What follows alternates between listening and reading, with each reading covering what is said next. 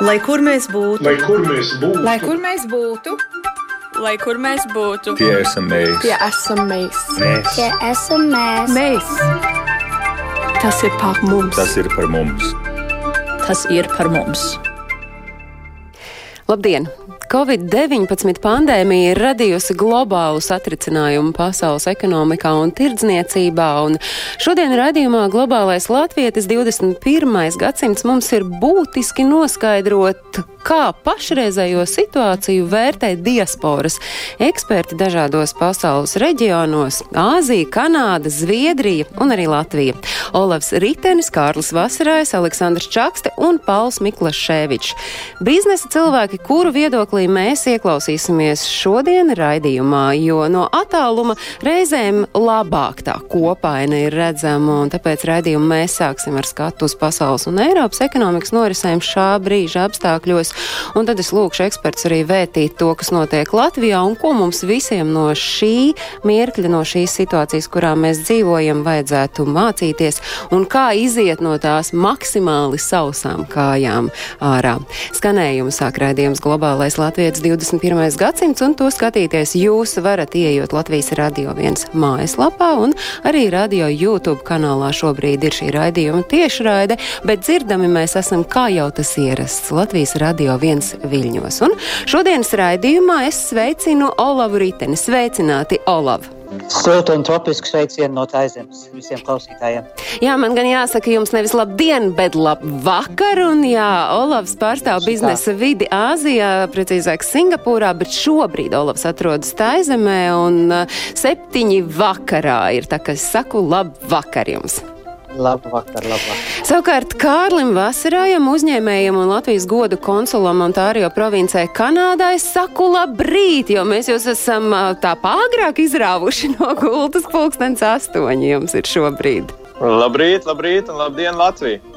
Jā, un labdien! Es arī šai brīdī saku Aleksandram Čakstam, kurš pārstāvēs biznesa vidi Skandināvijā, šobrīd atrodas Zviedrijā. Sveicināti! Aleksandra. Nu, labdien! Saulainā, patīkamā pavasaras dienā. Jā, Labdien, labdien! un labdien! Es arī saku uzņēmējam no Kanādas, kurš šobrīd dzīvo un strādā Latvijā, Paulam Miklaševičam. Sveicināti, Paul! Sveicināti no pasaules latviešu epicentra Rīgas. Kā jūs tad katrs no jums raksturotu to, kas ir mainījies tajā vidē, tajā vietā, kur jūs katrs no jums atrodaties? Sāksim, Olav, ar jums. Kā jau uh, lasītāji, uh, klausītāji varbūt ir dzirdējuši, ķīniešiem bija tāds uh, sens um, tāds izteiciens, lai jums būtu dzīvot interesantos laikos. Nu, mums tie interesantie laiki ir tiešām pienākuši. gribēdam, negribēdam. Kā tas izpaužas? Kā izpaužas jūsu interesantie laiki? Nu, man liekas, ka mums šeit, un es runāju vairāk par Dienvidu Austrumāziju nekā par, par visu Āziju, bet mums tas izpaužās, man liekas, tāpatās kā gandrīz visās citās valstīs. Mums ir, kā sauc, angliski lockdowns, vai ne? Un mums ir, es nezinu, kā latviski to saka, tas ir tulkojās kā vakar zvans, kas nozīmē, ka šeit aizemē nedrīkst būt uz ielas, ārpus mājām, pēc pulkstens desmitiem vakarā līdz pulkstens četriem no rīta. Bet tomēr eh, tā lieta ir, ka cilvēki vienmēr atrod to veidu, kā, kā turpināt savu dzīvi. Dzīve iet uz priekšu, biznesa iet uz priekšu, un, protams, cilvēki baidās. Um, daudziem ir šoks no, tas, no tām varbūtībām, ka viņi var saslimt, vai viņi jau ir, viņi jau pazīst tādus, kas ir saslimuši savā ģimenē, vai viņi ir pat zaudējuši um, radus un tā tālāk.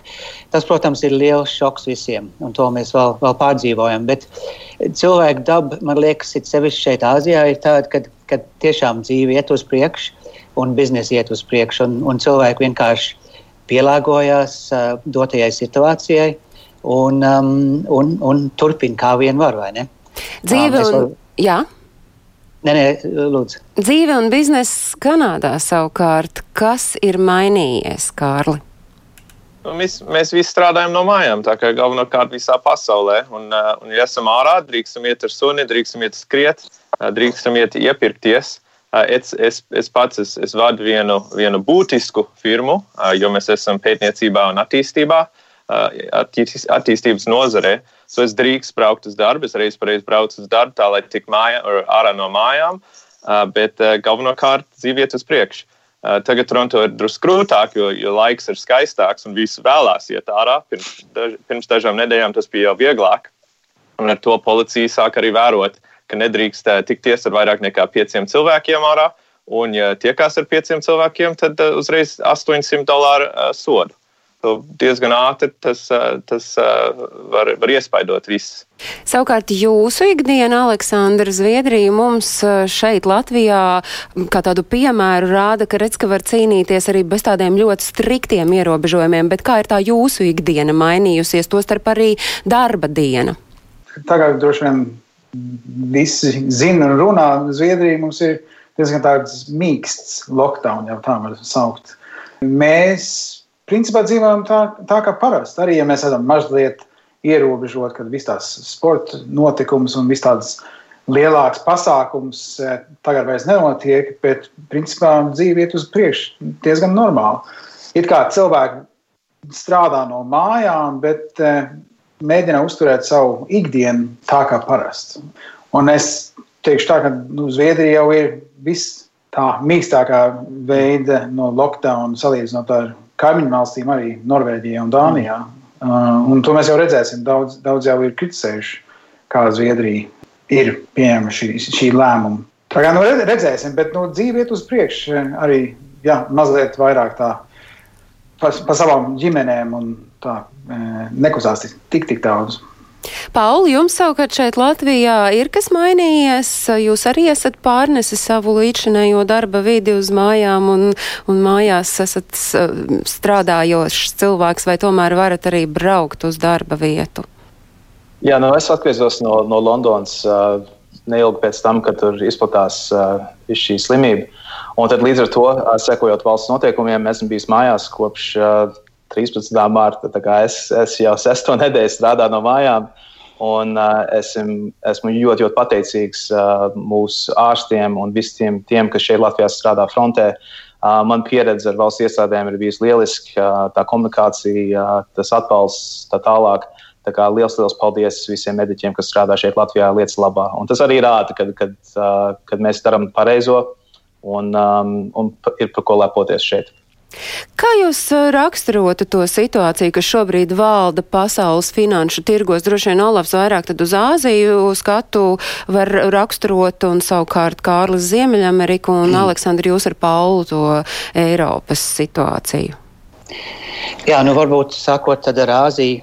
Nu, protams, visās pasaules biržās ir bijuši Uh, ir bijis tas šoks, un, un um, biržas, uh, teiksim, uh, akciju cenas ir ļoti svārstījušās. Tas tagad liekas, ka pēdējās dienās, ja pēdējā nedēļā ir mazliet uh, nomierinājies. Bet um, mēs tieši uh, sadarbojamies ar investoriem Singapūrā un arī šajā reģionā. Un man jāsaka, tā, ka runājot ar daudziem no viņiem, um, viņi visi saka, ka viņiem vēl durvis ir vaļā. Kā jau teicu iepriekš, biznesa vēl turpinājās. Un, e, ko viņi dara, ir, kad viņi pēta iespējas, kuri investēt, kad laiki būs uh, atkal teiksim, normālāk. Tā, viņi, tā ir tāda pozicionēšanās. Viņi gatavojās uz labākiem laikiem, meklēja iespējas, kur investēt, bet tas nenozīmē, ka viņi tūlīt to darīs. Viņi gaidīs uz tiem labiem, labiem laikiem, bet viņi būs gatavi. Viņi jau gatavojās uz to. Tā kā es domāju, ka neviens nevar īsti prognozēt, cik ilgi viss tas ies un, un cik ilgi paies, tāds, paies tas laiks, kamēr mēs varam teikt, ka situācija ir atkal normāla. Un ko tas nozīmēs? Tas būs kaut kas nenormāli, ne normāli, bet jauns, jaunais normāls. Protams, mums būs jāiemācās saprast, ko nozīmē normāli pa jaunam. Ja? Uz matu, uz matu, jā. Bet cil, biznesa cilvēki gatavojās. Un es domāju, ka um, nenoliedzam, uh, mēs redzēsim, ka tūlīt, kad lietas sāks palikt labākas, kad uh, būs liela investoru aktivitāte un vispārīgi biznesi visās pasaules malās uh, centīsies ātri um, uh, restartēt. Vai doma par to, ka investoru aktivitāte ir gaidāma tad, kad um, paliks. Uh, citi laiki, kad beigsies šī ārkārtējā situācija. Tas ir arī kāds signāls Latvijas uzņēmēju videi. Jā, nu, zināmā mērā, jā, jo, protams, tas, kas notiek Latvijā, tiek daudz iespaidots no, no pārējās pasaules. Um, bet kas, kas varbūt notiks, ir, kad investori gribēs koncentrēties ar savām investīcijām uz tādiem uh, biznesiem un uzņēmumiem, kas, kam ir kaut kas, ko piedāvāt jaunajā pasaulē. Teiksim. Um, un tas būtu teiksim, tāds firmas, kas nodarbojas ar fintech, kas atbalsta to, teiksim, ka cilvēki var visām, ar visām savām finan, finanšu lietām un bankošanām visu to darīt uh, attālinātā veidā. Tas attiecās uz biznesiem, kas um, var piedāvāt pakalpojumus, kas uh, palīdz um, attālināt tikšanos un attālināt, at, at, at, attālināt mācīšanos um, un tā tālāk. Tā kā ir, ir tādi sektori, kas, kas var iegūt no viss šitā.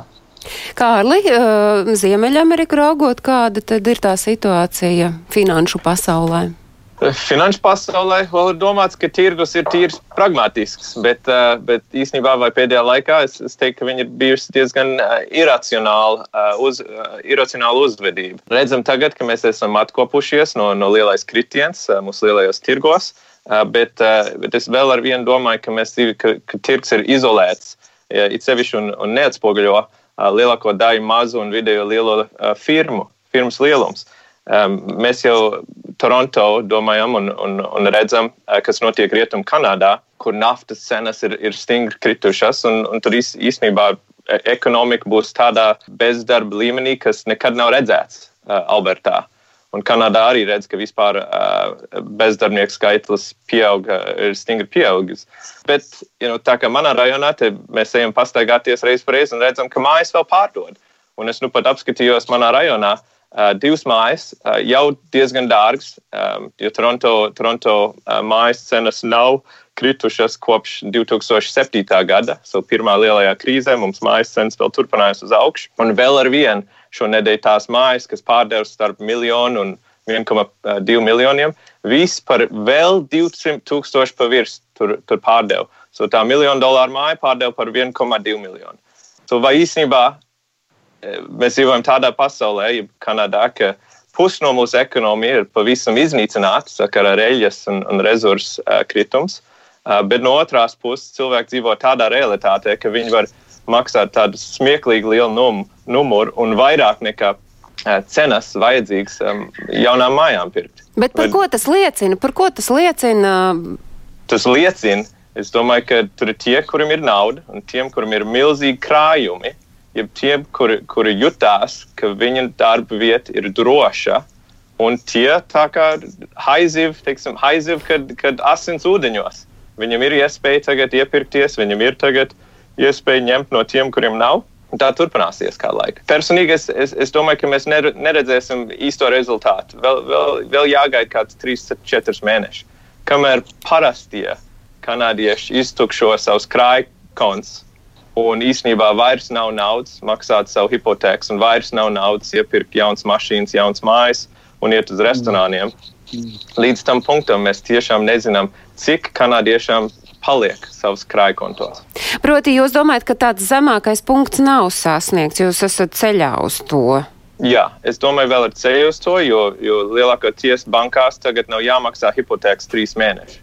Ja uzreiz pēc trim mēnešiem jāatgriežas un jāmaksā vēl 4-5 tūkstoši dolāru mēnesī uz hipotēku, ja atkal jāmaksā īri, pašreiz nav jāmaksā īri, nevar tikt, eh, nevar tikt izspērt no, no, no savu dzīvokli, ja nemaksā īri. Eh, tas viss mainīsies pēc trim mēnešiem. Savukārt uz Eiropu skatoties, eh, Paula Aleksandra, tas jūsu vērtējums finanšu joma šobrīd, šai mirklī? Nu, es domāju, ka tā, ka, kā jau minēts, viss, kas tur tā baigā, baigais kritums biržos, tas jau ir mazliet ir apstājies vai vismaz arī atpelnījis mazliet. Es arī varu piebilst iepriekšējiem, kad cilvēki jau vēl joprojām notur elpu, domājot un nu, gaidot, kas tur notiksies. Tāpēc es mhm. arī nedomāju, ka tā nu, pilnā efekta mēs neesam vēl redzējuši. Un šo, šobrīd mums jau visas principā, valsts jau sniedz savus atbalsts e, dažādās veidās. E, un kad beig, beig, nu, tā, tie atbalsts beigsies, tad es arī domāju, ka mēs te nu, īstie rezultāti. Bet gal galā ekonomika jau ir diezgan daudz no atkarības no patērētājiem.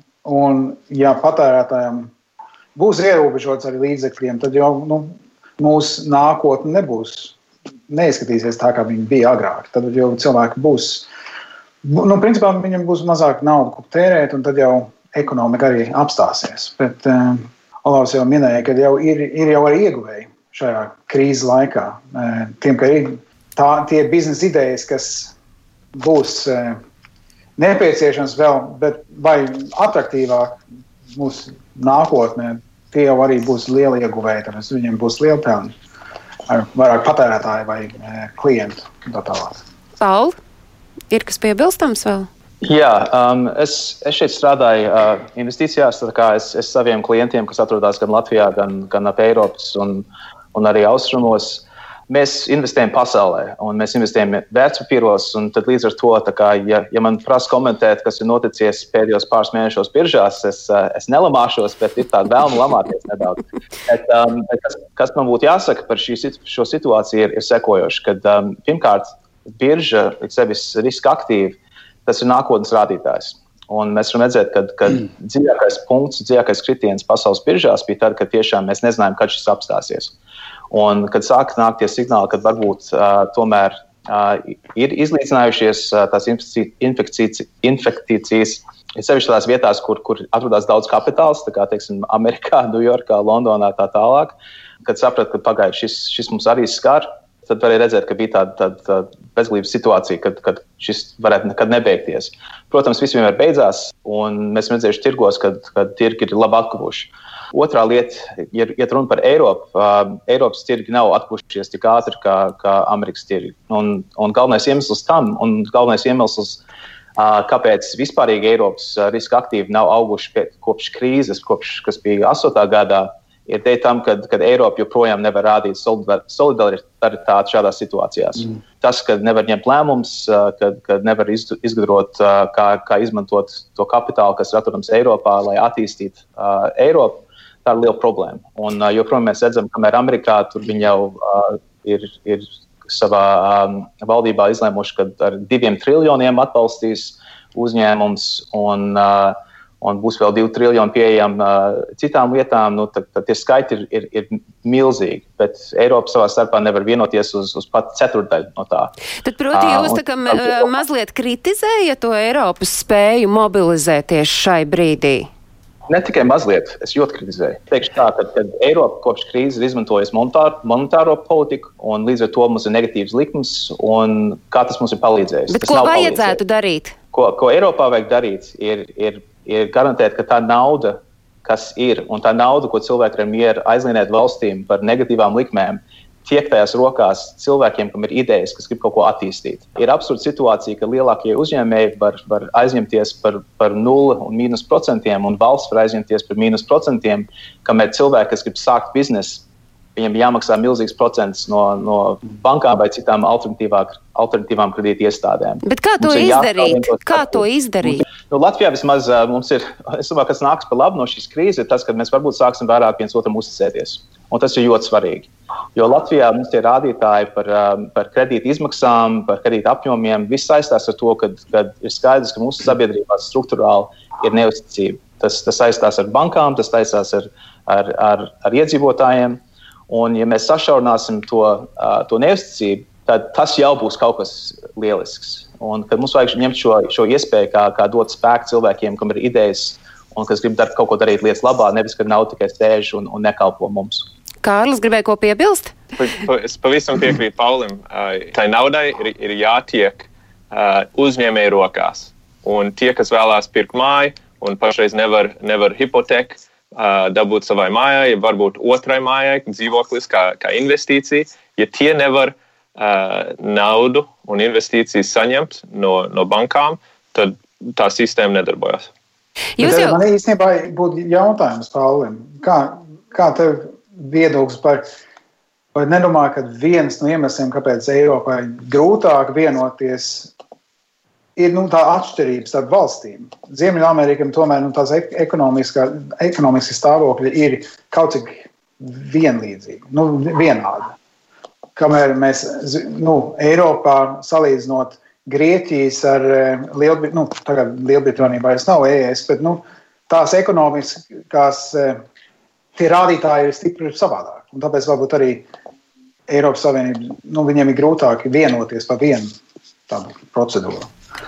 Jā, tas nu, tā, nu, tā, tā ir dzīve, kad, kad ne visi vienmēr piekrīt, un, un ka varbūt daži ir vairāk nopelnījuši nekā citi. Um, bet Amerikā arī ir liela, uh, liels atšķirības starp republikāņiem un demokrātiem. Un kaut kādīgi viņi, mēdz kaut ko, uz kaut ko vienoties par reizēm. Tas nav bieži, bet par reizēm. Un Eiropā mums jāaizmirst par to, kā, ka, nu, kad es jūtos apvainojies un tā tālāk. Un, un jāsaprot, ka, ja mēs rīkojamies kopā, ja ir solidaritāte, tas mums pataisīs spēcīgāks. Runājot par šo solidaritāti un runājot par Eiropu, uh, par Māršala plānu, par, tā, par jauna maršala plāna izstrādi Eiropai. Droši vien, ka kādam no jums ir ļoti tādā īsā teikumā jāizstāsta, kas vispār ir maršala plāns un vai jauns maršala plāns Eiropai ir nepieciešams, jo skaidrs, ka Briselē tur katram politiķim šobrīd ir uh, savs viedoklis par to, kā atlapt ekonomikai Eiropā. Maršala plāns ir iz, izveidots 48. gadā, un tas bija plāns, kurā Amerika aizvienēja līdz kādiem 5% savu IKP Eiropai, sevišķi Austrum Eiropai, lai, lai atkal būvētu savus demolētās pilsētas un infrastruktūru. Un šis ir rādītājs, kas iepriekš minēja par monetāro politiku, un ka tā nestrādāja. Šis ir konkrēts rādījums, kad fiskālā politika, kad iegulda infrastruktūrā, uh, iegūt būvniecībā lietās, kas, kas pievieno vērtību, kad no turienes nāk labākie rezultāti. Un Eiropa visu šo laiku, kad ir bijis negatīvās likums un gaida, ka kaut, kāds, kaut kāda brīnuma notik, notiek, notiksies, nav paspējusi investēt tādās lietās. Un Kārlis ļoti labi par šo pastāstīs pēc manis, kā zaļā enerģijā, jaunos ciltos. Nu, Rail Baltica ir ideāls projekts Latvijai. Tas ir tikai viens piemērs, kur varētu visur Eiropā attīstīt līdzīgi šādus ambiciozus, modernus projektus. Kārli? Tieši ko Pauls minēja, es, es, janvār, es janvārī daudz ceļoju. Es nevaru ticēt, ka man nesanāca Covid. Uh, bet janvārī man bija tikšanās arī, uh, arī Amsterdamā uh, ar uh, naftas firmu, so enerģijas firmu, uh, vienu no galvenajiem teiksim, tādā, tajā firmā. Un, uh, tur mēs runājam par cik īstenībā maksās, izmaksās pārmaiņu um, ja pārēju uz zaļām enerģijām. Gan transportā, gan elektrībā, gan ražošanā. Un Eiropa tā domā, ka tas ir starp 1 un 2% no IKP. Uz cik gadiem mēs nezinām, bet, bet ne, īstenībā viņš nav tik dārgs. It sevišķi, kad salīdzina, cik mēs pašreiz plānojam izdot par Covid. Um, un, un tas Covid ir īstenībā ir pierādījis, ka var uh, izmaksāt tādu naudu. Tad tā nauda ir izdevīga izdot šiem lielajiem, milzīgiem projektiem. Un, un es ļoti ceru, ka, ka gan Eiropā, gan Kanadā tā nauda jau sāk uh, plūst šitām uh, programmām, un, uh, un Latvijā īpaši tā, ir, tā ir milzīga iespēja. Ja jau redz, ka Latvijā ir you know, 50% no savu elektrību, no, no zaļām enerģijām, uh, ja redz, ka Latvijā ir pareizā infrastruktūra, mm. gan ostas, gan lidostas, gan, cerams, drīz arī Rail Baltica, mēs varam uz, uz, uz visām Eiropas tirgumu uh, mūsu preču vest. Um, un, un tajā pašā laikā es domāju, ka latvieši ir zaļa tauta, un, un es domāju, ka viņi atbalstītu tādu programmu, kur mēs uh, slēdzam jaunus ceļus un ar to tiekam vaļā no visu to naudu, ko mēs esam ziedojuši gan Norvēģijai, gan Krievijai, pērkot viņas naftas produktus. Un Latvijā, Latvijā, starp citu, jau ir bijis Marshall plāns. Tas ir, tā, ir Eiropas Savienības līdzekļi. tā kā mēs varam ņemt piemēru no tā, kur, kur no tiem līdzekļiem ir bijuši efektīvi ieguldīti un kur nauda ir bijusi izkaisīta. Un no to mācīties uz, uz nākamo uh, būvniecības gājienu. Tas izaicinājums man liekas, um, man tā liekas, uh, Eiropai vispārīgi ir, kad uh, lai panāktu to, ka 27 dalību valsts vienojās par kaut ko, um, kaut kādā normālā teiksim, veidā, ar vislabāko gribēšanu. To ir grūti panākt, kā mēs esam redzējuši. Viss tā uh, Eiropas Savienības koncepcija īstenībā ir ļoti laba teorijā, bet, kad nākās uz praktisko darbošanu, uh, darbošanos, tad, uh, tad ir grūti panākt to, ka visi vienojās un ka kaut kas tiešām um, notiek efektīvā veidā. Aleksandra, ir kas piebilstams vēl? Man liekas, kolēģi ļoti labi. Brīnišķīgi. Tad mēs varam varbūt plūdeni arī pāriet pie tā, ka jūs varētu paskatīties, kāda ir tad Latvijas valdības rīcība šobrīd stabilizējot krīzi.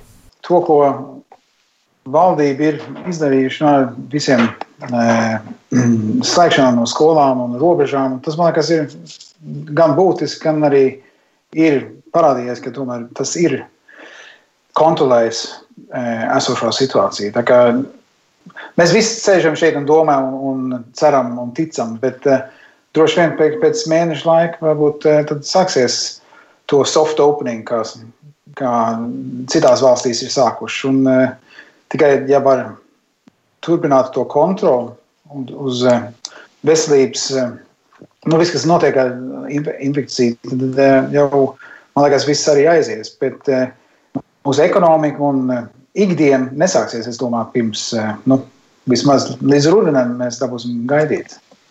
Bet līdz šim, manuprāt, Latvija ir un valdība darījis to, ko viņi ir varējuši, un arī nu, ar atbalsts programmām uz dažām veidām. Tas man liekas, tomēr ir bijis nu, labi lab lēmumu, un es arī gribu, tā kā Pauls arī slavēja viss vis mūsu eh, cilvēki, kas stāv frontē un palīdz.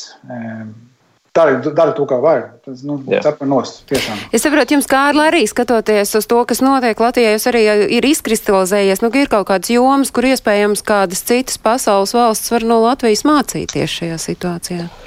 Tieši tā. So, so pirmkārt, kā godkonsulis, es nekad nedrīkst uh, publiski kritizēt uh, Latvijas valdību, uh, bet, bet laimīgā kārtā šī gadījumā uh, es, es nevēlos. Es, es domāju, viss, ko, ko Latvija, Latvijas valdība ir darījusi, ir, ir bijis vienreizēji laba. Uh, vakar mēs redzējām, ka Latvijā uh, otrā vismazākā mirušo skaita uz 100, uz 100 tūkstošu iedzīvotājiem visā Eiropas Savienībā. Un vienreizējs. Tas, tas viss, ko es saku īstenībā. So ar, ar, ar, ar valsts prezidentu, ar ministru prezidentu, bet arī cepurnos ministram Rinkevičam. I mean, milzīgs, milzīgs projekts koordinēt ar Air Baltica un pārējos valsts, uh, lai, lai, lai palīdzētu vest latviešu mājās. Uzreiz, kad Lietuva un Polija slēdz savus robežus, tur tas, tas, tas šķēršļus vēl, vēl, bija, vēl bija grūtāks un grūtāks, lai, lai palīdzētu tajā jomā. Uh, un, uh, un, un tieši par, par izglītību, un es, un es domāju, tas ir tas uh, labākais piemērs, ko mēs esam redzējuši ar lietojot televīziju, ar digitālo izglītību un, un vest karstās pusdienas skolēniem. Tas nav redzēts visā pasaulē.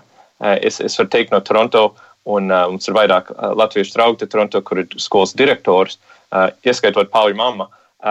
Un, un, Viņi vēl mācās, kā lietot Zoom. Un kā skolotāji un, un direktori viņi kopā mm. cenšas tikt uz GoToMeeting, uh, bet kaut kā tikai ir drīkst desmit cilvēks reizē. So viss skolas direktors no vienas rajonas pat nevar tikt vienā konferences zvanā. I mean, šausmīgi, šausmīgi šī galā un, un ļoti, ļoti sirsnīgi cepurnos Latvijai. Jā, varbūt Olav ir kas tāds, ko jūs skatāties no sava skatu punkta un redzat, kas ir tā, tas, tas veiksmes atslēgas šobrīd pie tās ierobežotās situācijas, kurā mēs esam visi. Jā, nu skatoties no tālienes um, uz to, kas Latvijā ir darīts, es arī piekrītu visiem pārējiem runātājiem, kad uh, tiešām Latvijas valdība un, un valsts iestādes ir labi sadarbojušās un jo ir bijis plāns. Es domāju, ka tā ir tiešām tāda situācija, kad visi ir nākuši kopā un, un darījuši kopīgi, kas ir darāms. Tas, ir bijis, tas nav bijis perfekts. Bet, protams, tā ir krīzes situācija. Tā kā nevar sagaidīt, kad būs perfekts. Bet visā visumā labi ir, labi ir izdevies. Tas arī liecina uz to, teiksim, man liek cerēt, vismaz, kad uh, Latvija ātri tiks visam tam pāri un kad tas restarts Latvijā un kad Latvija varēs atkal sākt darboties um, būdam mazāk valsts, um, ar mazāk inerts, ka tas varētu Latvijā notikt ātri un labi. Bet, lai tas arī notikt, tad mums jāsāk domāt jau tagad, kā tas varētu notikt. Nu, tieši tā ir jāsāk domāt, kurā virzienā jā, jā. skatīties, un Uzmak, jūs ar saviem uzmak, gaišajiem jā. prātiem tad varbūt šobrīd varat sākt pamētāt tās idejas tieši, kurā virzienā tad Latvijai vērst savu skatu un, un jā. kā domāt, un, un kā iespējams kā citādi domāt par to savu vietu ne tikai Eiropā, bet arī pasaulē. Par, par Latviju es, es teiktu, un visai pasaulē ir skaidrs, ka šī, šī uh, Covid krīze ir bijusi tāds, nu, tā, diemžēl, sanāk, tād, tāds improvizācijas teātris. Un, ja tu, ja tu kādreiz spēlēsi improvizācijas teātrī, tad saproti, ka viens no, no, viena no galvenajām lietām, kas tev jās, jādara, ir jāsaka jā un. Tā kā tev vajag turpināt no tā, kas tev ir iedots, un jābūvē kaut ko tālāk. Un, un Latvijas gadījumā uh, mēs tur bija sagatavība, es neteikšu, ka nebija. Bet tā kā mēs esam spējuši improvizēt no, no tās situācijas, kas ir iekšķus mūsu klēpī un visai pasaulē, ir bijis vienreizēji. Un, un kad improvizācijā tev jābūt veiklam, tev, tev jāklausās uz citu cilvēku idejām, izaicinājumiem. Un es domāju, ka viena lieta, ko mēs varam, mēs varam iegūt no šīs krīzes, ir, ir atvērtāks skatu uz risinājumiem mūsu sabiedrībā, un kā arī ekonomikā. Un kad šis ir ļoti labs sākums, un kad šie gaišie prāti turpina domāt, turpina gudrot, turpina palīdzēt atrisināt situāciju. Un, lai mēs arī tādiem cilvēkiem pievēršam kapitālu turpmāk, gan mūsu valsts iestādēs, kas efektīvi pārvalda savas iestādes, gan arī mūsu biznesmeņiem un, un topošiem uzņēmējiem, ka viņiem arī ir, ir, ir pieejams kapitāls. Aleksandra, varbūt jūs par to, kur nu, tad mums skatīties? Es domāju, ka šī krīze arī ir atvēruši durvis mums, nu, mazākām valstīm un uzņēmumiem.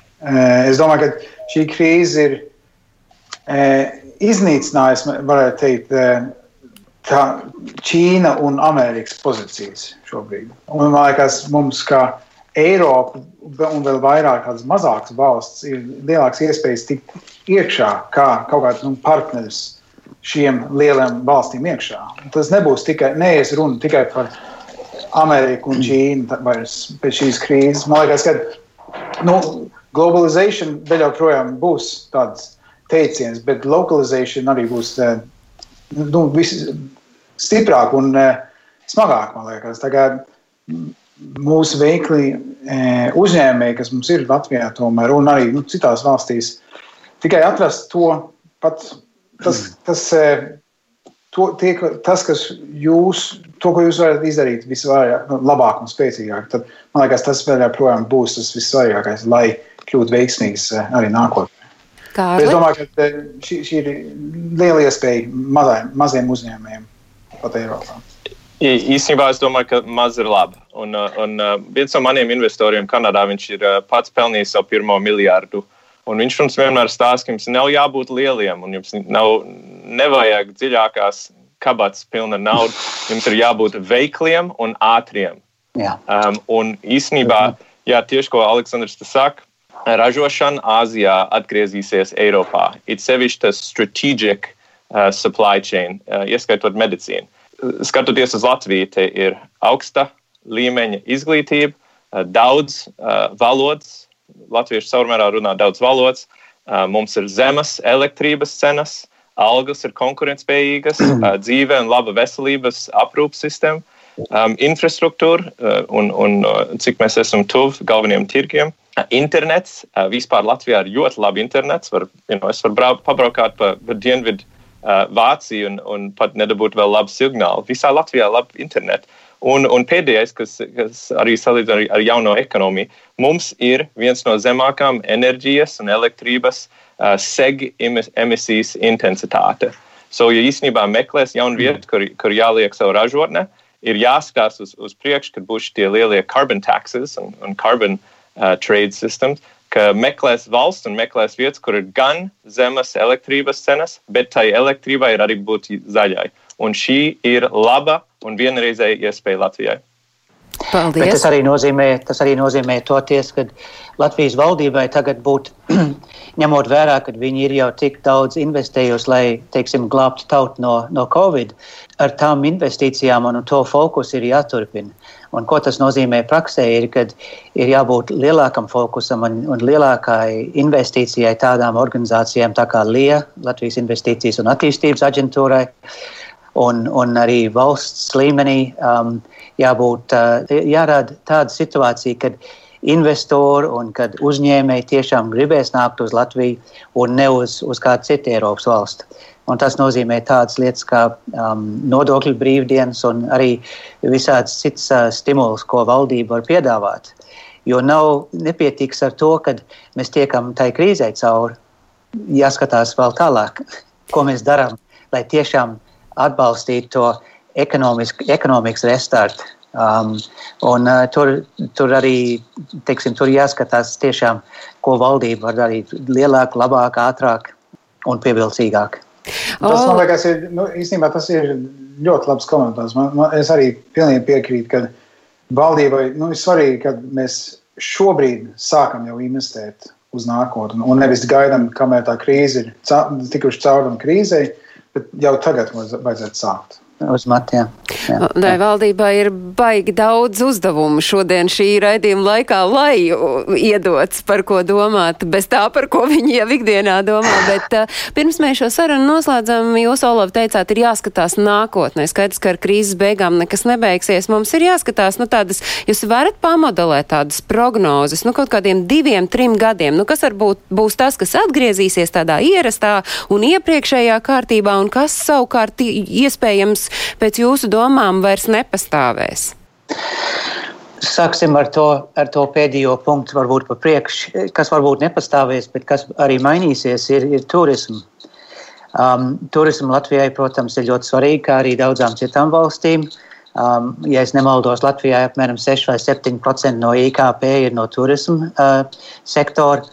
Kā tas varētu mainīties? Jo es domāju, ka mums ir mēs nevaram pieņemt, ka viss tūlīt pēc krīzes atgriezīsies uz, um, uz normālo situāciju, kad cilvēki brīvi varēs ceļot pāri robežām un uz citām valstīm un tā tālāk. Un, un ko tas nozīmē, ka cilvēki, kad nebūs varbūt tie ārzemju turisti, bet, piemēram, uh, latviešiem Latvijā būtu uh, laiks varbūt apskatīties savu zemi un neceļot, ne, necerēt tikt uz uh, uz Spāniju vai Itāliju vai uz, vai uz Taizemi, bet uh, palikt mājās un aizbraukt uz Latgalu un apskatīties uh, kolks ragu un varbūt aizbraukt apskatīties pokaiņu mežu. Un, un tā, ne, tas, tas ir viens veids, kā teiksim, uzturēt to turismu sektoru no, pašiem, mūs, no mūsu pašu iedzīvotājiem, bet tas arī nozīmē, ka tā nauda paliek Latvijā. Tā, tā, tas ir viens sektors, kas mainīsies, jo es, es neceru uz to, ka pēc pat sešiem mēnešiem, kad mēs varēsim brīvi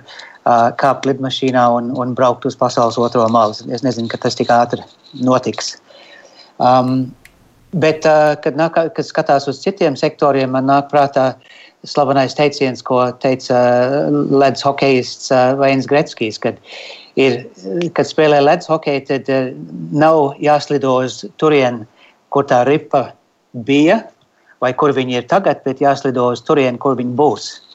Un tas ir tas izaicinājums, izgudrot, kur viņi būs tā ripa. Un tur es ieteiktu, un mēs jau esam sākuši runāt par to, ka varbūt derētu, kad, būt, kad, kad uztaisīt tādu, tā kā angliski saka, think tank no globāliem, teiksim, diasporas latviešu biznesmeņiem, no vietējiem biznesmeņiem, uzņēmējiem, no ar valdības locekļiem, ar valsts iestādu locekļiem un tiešām sākt skatīties jau tagad uz to, kur tā ripa būs un uz ko mums būtu jāsāk plānot un jāsāk darboties. Izklausās, ka daudz darba arī jums pašiem, bet nu tiešām tā, ja jūs varat katrs pavisam īsi, nu tādā minūtē ietilpināt to, kas jūsuprāt būs tas, kas patiešām mainīsies. Pārli? Es nevaru teikt, es, es neturu nākotni savās rokās. Es, es, es vispār tikai jāuzman, ka mēs neaudzam parādus tā kā vīrusu. Un, un parādi arī var augt tā kā nekontrolēta vīrusu. Un es, es ļoti uzmanu tās ekonomijas un, un tiem uzņēmējiem, kuriem ir par daudz parādu. Un tie, kas pašreiz redz, ka nauda ir brīva, uh, tomēr būs jāatmaksā uh, to naudu. Mm. Uz kādu laiku so īstenībā jāizņemsies to naudu, tam ir jābūt kādai ļoti strateģiskai plānai, kā īsti, īstenībā var attīstīties un atmaksāt naudu. Aleksandra? Nu, jautājums bija par, par manu ikdienu. Jūs domājat, vai? Nē, vispār, nu kā jums šķiet kopumā, kā jums liekas, kas varētu būt, bet droši vien, ka jums ir ērtāk skatīties uz to savu, nu ko jūs savā ikdienā redzat, kas pazudīs un kas savukārt uh, mainīsies? Ne, nu, šis ir diezgan būtisks, man liekas, solis uz priekšu, un kur mēs redzēsim, ka digitālā veida, visādās digitālās formas. Nu, Olavs jau minēja, ka fintech, edtech, eh, medtech, viss tās, visi tie nozari augs katra ak, man liekas. Un, ja izmantojot Latvijas zināšanas eh, visās digitālās eh, veidās, man liekas, tur ir mūsu nākotne, un tur es ieteiktu visiem ķerties klāt, un tie, kas jau tur ir tajā formā, turpināt. Un tur, nu, tur, tur mēs arī varēsim radīt to Latvijas zīmolu, es domāju. Un Paulam, jā, paldies Aleksandru un Paulam noslēgumu vārdu šodienas raidījumā jā, par to, kas mainīsies. Galvenais, galvenais, galvenais, galvenais pašlaik ir, ir, ka tie parādi, ko mēs uzņemam, un tā nauda, ko mēs tērējam, tas ir, tas ir veltīts uz, uz izaugsmu un uz nākotni. Jo mēs parād, valsts, valsts nekad neatmaksā parādus, viņi vienkārši izaug no saviem parādiem. Uh, tas arī notikās Amerikai pēc otrā pasaules kara. Un, un tā tad galvenais uzsvars ir uz izaugsmu. Otrā lieta ir, ja mēs skatāmies uz kurām industrijām, kuras industrijas nāk, nākotnē būs, būs svarīgas, mēs to jau redzam biržā. Mēs varam redzēt, kuras kompānijas ir, kurām ir augstāka valuācija, kuras nozares tā tālāk. Tā kā tas nav baisais noslēpums. Mēs to redzam katru dienu akcijas cenās. Mēs redzam, kuras akcijas ir ātrāk atkopušās kopš lejupslīdes tā tālāk. Tā kā mums nav viss jāizgrūda no jauna, mums vienkārši jāņem kaut kāda padoma no to, kas jau ir, un jābūt vienotiem mūsu plānā, kā attīstīties turpmāk.